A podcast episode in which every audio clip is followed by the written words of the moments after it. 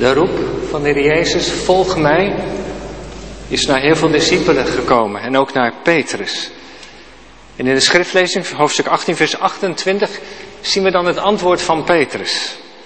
En Petrus zei, zie, we hebben alles verlaten en wij zijn u gevolgd. Vanmorgen zeggen 24 jongeren min of meer hetzelfde tegen de Heer Jezus. Is dat nou een moedige keuze? Of niet? Jezus volgen, een moedige keuze, thema van de verkondiging van morgen. En het antwoord ligt, is een lied van beleiden. Worden we allemaal uitgenodigd om dat ook mee te zingen. Ik bouw op u, mijn schild en mijn verlosser. En wat daar verder dan in het lied staat. Gemeente van Christus, u hier in de kerk, thuis met ons verbonden, u die te gast bent vanmorgen.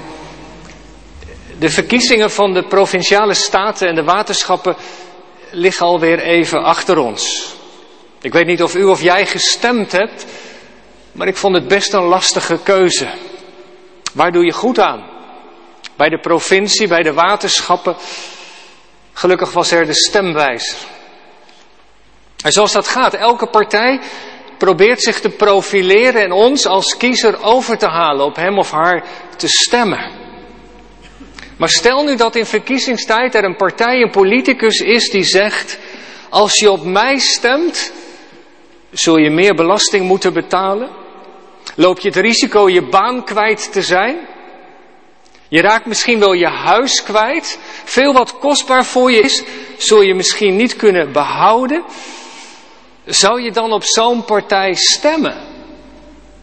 Ik denk het niet, toch?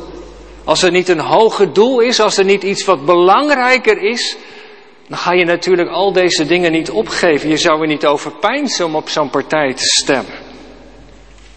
Stel nu dat de kerk Alpha-cursus met de Alpha-cursus gaat houden, reclame maakt met posters in de stad Leiden kennis te maken met het christelijk geloof. En op die poster zou een paar regeltjes staan. Wij dagen je uit om deel te nemen aan deze cursus. Maar je moet er rekening mee houden dat je je familie, je ouders, je broers, je zussen, je echtgenoot, je partner misschien wel kunt kwijtraken.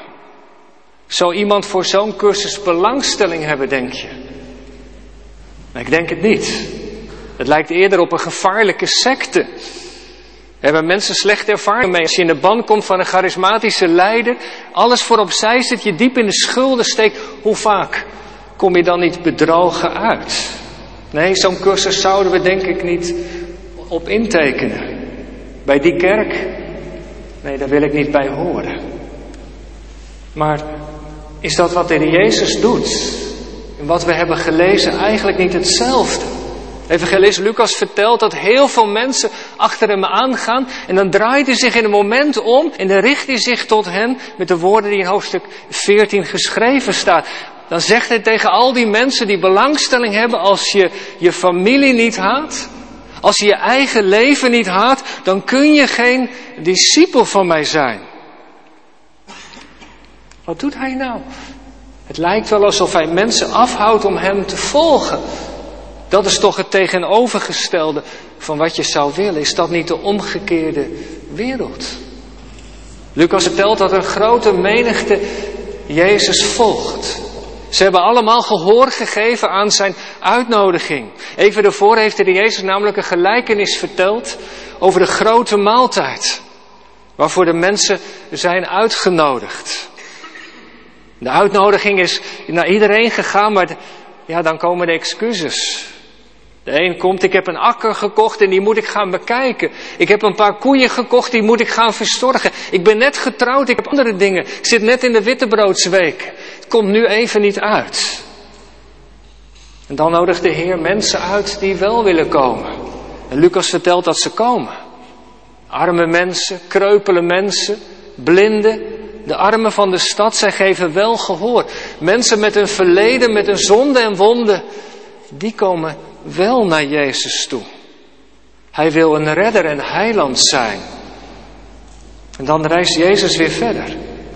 De mensen hebben de boodschap wel begrepen. Jezus wijst dus niemand af. Bij Hem ben je welkom. Wie je ook bent en wat je verleden ook is. Wat je ook in je leven hebt gedaan. God weet er raad mee. En de mensen proeven in de woorden die Jezus spreekt, in zijn houding, de liefde van God. Ze voelen met elkaar aan, hier is iemand die misschien wel veel van je weet, maar, maar die je toch lief heeft. Hier is iemand die je helpt om God te vinden. Iemand die genezing en heling brengt in je gebroken leven. Iemand die je verlost van de zonde en de schuld. Een bonte menigte. Die ziet de mensen achter Jezus aangaan. Wonderlijk. Ze laten zich geen twee keer gezeggen. Prachtig om te zien. Je zou er natuurlijk als kerk blij mee zijn als zoveel mensen belangstelling hebben voor het christelijk geloof. Als mensen geïnteresseerd zijn en joh, vertel eens wat meer over die Jezus. Dan zorg je wel dat er geen obstakels zijn. Dan probeer je zo goed mogelijk je best te doen om mensen verder te helpen. Zoekers, welkom. Maar wat doet Jezus? Hij draait zich om. Hij wandelt een grote groep mensen. Hij draait zich om en richt het woord tegen hen. Als je je vader en moeder, je vrouw en kinderen, je broers en zusters niet haat, dan kun je mijn discipel niet zijn. Het kleine woordje haten, even tussen haakjes, moet ons niet op het verkeerde been zetten. Jezus predikt niet dat je je familie moet haten. Is een Joods gezegde, dat blijkt ook wel uit een ander evangelie, Matthäus. Haten betekent liefhebben boven mij. Anderen belangrijker vinden dan mij. Je kunt je, zegt Jezus, je naaste familie niet belangrijker vinden dan mij. Ook al staan je naaste familieleden, ook al staan je ouders niet achter de keuze die je maakt, ook al begrijpen mensen misschien niet dat je in je hart de roepstem van Jezus hebt gehoord en dat je daarom ja zegt tegen Hem, je mag je er niet door laten weerhouden. Want de keuze voor Jezus, die gaat voor. En ook al betekent dat kruis dragen, zegt Jezus tegen hen. Een kruis betekent hier dat je te maken kunt hebben met onbegrip, met spot, met minachting, dat je misschien wel buiten de groep valt. Laat je daardoor niet weerhouden, zegt Jezus. Volg mij. Want als je dat wel doet, kun je mijn discipel niet zijn. Waarom doet hij dat nou? Van die radicale woorden spreken. Laat niets en niemand je weerhouden om in mij te geloven en de weg te gaan die ik wijs.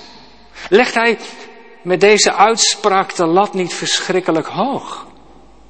Zo treed je toch belangstellende mensen niet tegemoet.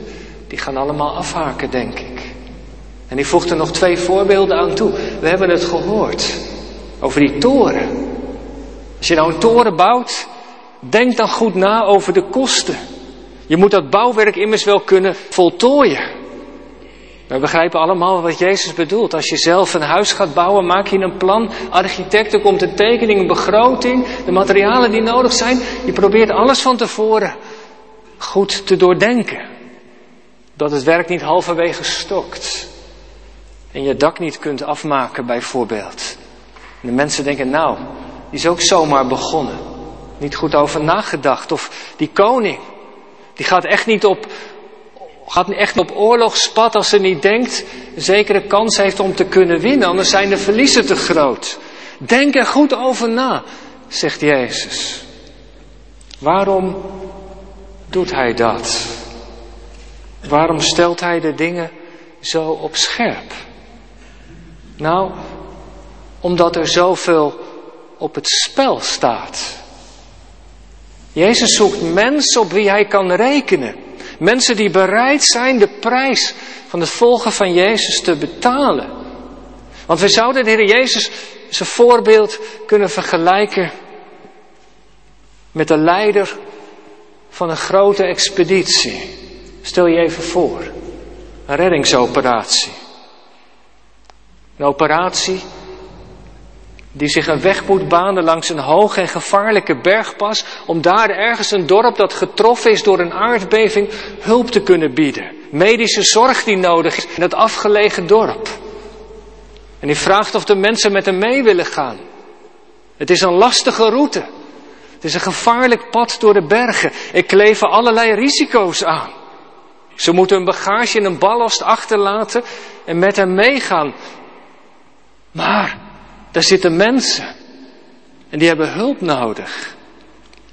En zo moeten we eigenlijk naar het onderwijs van de Heer Jezus kijken, naar wat we vanmorgen uit de Bijbel hebben gelezen. Hij nodigt ons uit, allemaal om in Hem te geloven. Hij spoort ons dringend aan om Hem te volgen. Waarom? Omdat Hij ons wil inschakelen bij Zijn werk in deze wereld. Want er zijn handen die alleen jij kunt vasthouden. Een luisterend oor dat alleen jij kunt bieden aan je vriend, je studiegenoot, je kamergenoot. Een bezoek dat alleen jij kunt afleggen. En de liefde van Jezus, de liefde van Christus zoekt zijn weg via mensen. Via ons. Via jou, via u, via jullie. De mensen hier in Leiden, de mensen in je netwerk. De mensen die hem geloven, die ook die weg van Jezus gaan. Hij draait zich om en vraagt aan al die mensen die hem volgen: Mag ik, kan ik op je rekenen?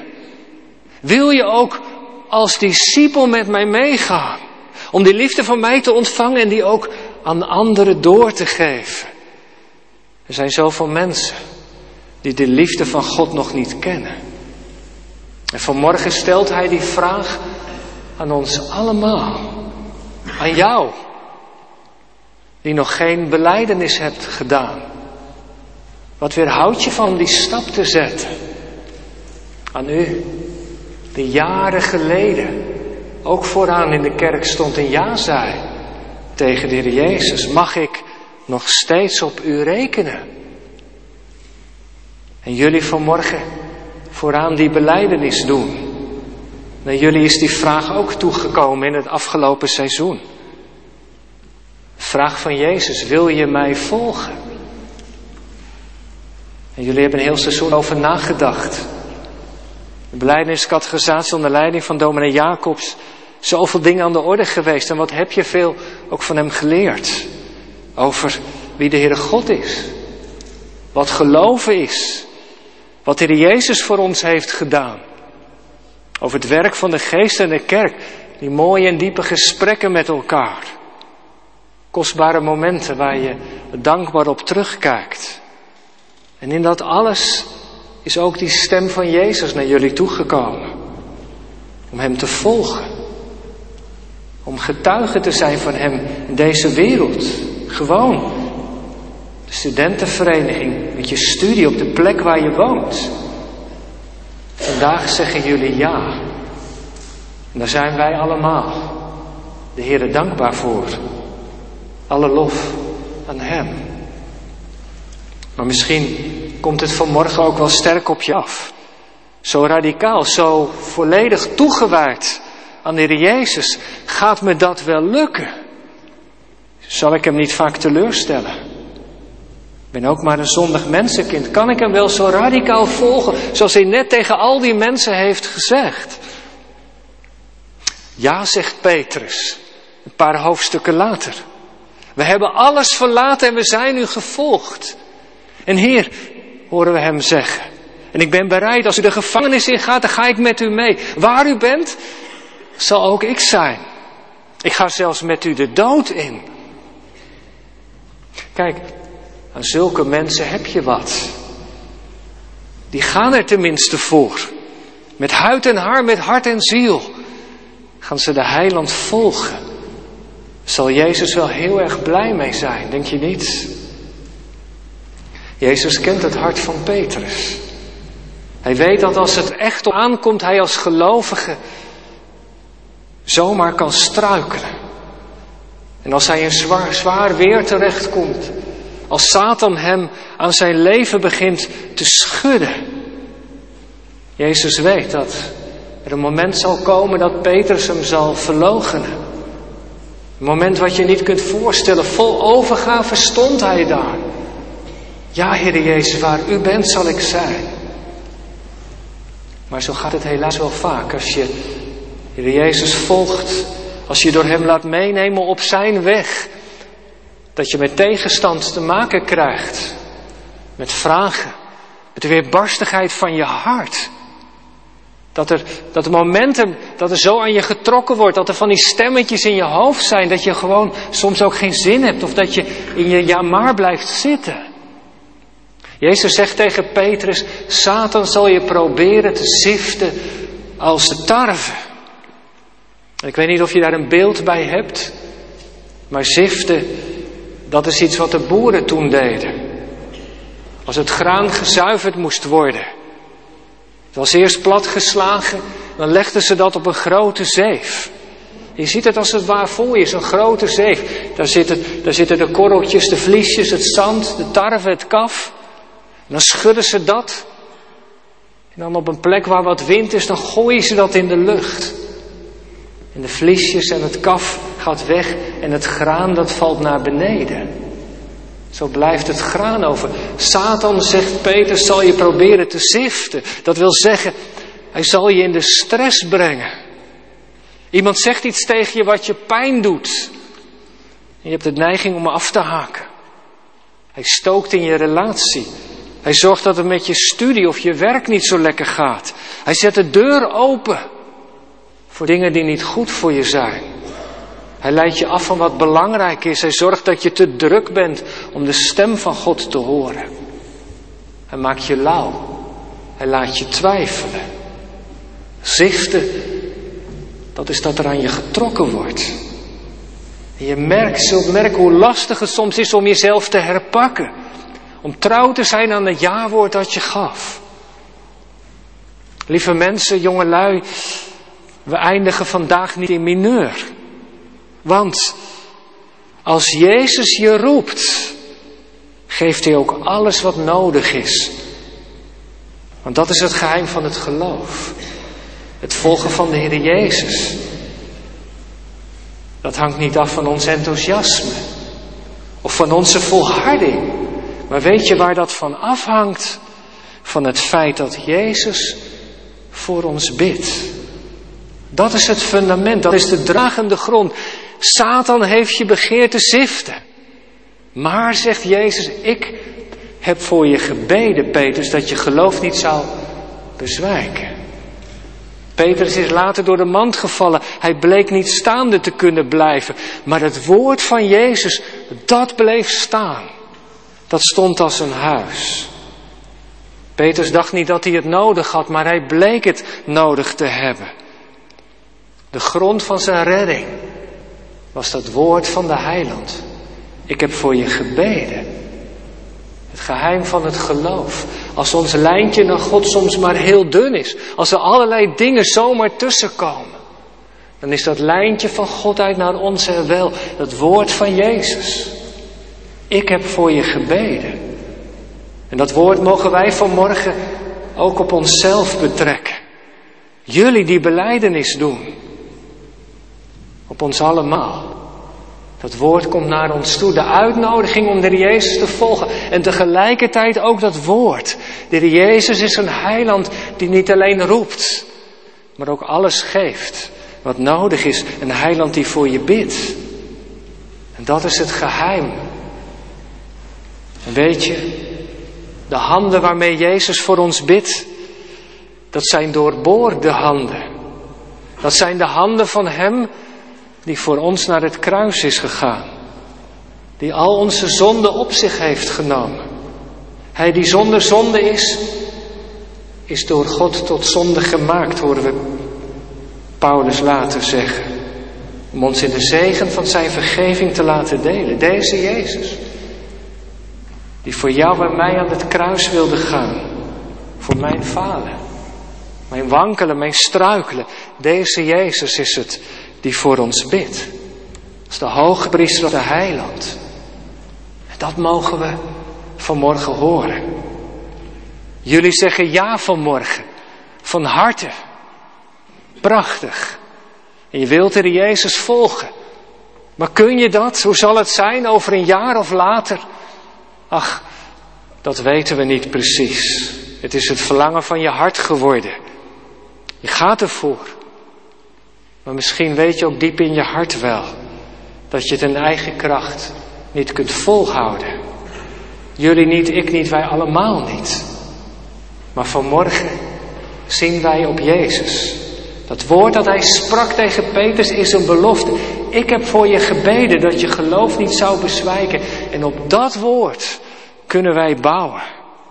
Dat woord van Jezus geeft de moed om ja te zeggen, vandaag voor het eerst. Of misschien wel weer opnieuw. Ik zal voor je bidden. Ons leven is gedragen door dat gebed van Jezus. We zitten hier vanmorgen met heel veel mensen rondom jullie. Ook wij worden vanmorgen uitgenodigd om ons ja-woord, dat we misschien lang geleden wanneer Jezus gaf om dat te vernieuwen vanmorgen. En als we ja zeggen, dan mogen we dat doen. In het vertrouwen dat ons ja wordt gedragen is door dat gebed van de Heer Jezus. En zo kun je. Zo kun je gaan staan. Zo kun je ja zeggen. Zo kun je die weg achter de heiland aan. Met vallen en opstaan. Maar je weet, mijn leven ligt in die handen van de heiland. En zo kunnen we op pad gaan. Zo kunnen we zingen. Zo worden we allemaal uitgenodigd. Om hem te geloven en hem te volgen. En samen te zingen met die woorden. Wankelend misschien. Maar toch ook. Ik bouw op u. Mijn schild en mijn verlosser. Gelovend ga ik. Eigen zwakheid voelend. Maar telkens weer moet ik uw kracht verstaan. God geeft. Door zijn geest wat we nodig hebben. En als hij je roept. Wees er dan maar van verzekerd dat hij ook zal geven wat je nodig hebt. En wij danken. Wij danken de Heer Jezus dat Hij jullie heeft geroepen. En dat wij Hem mogen volgen. Amen.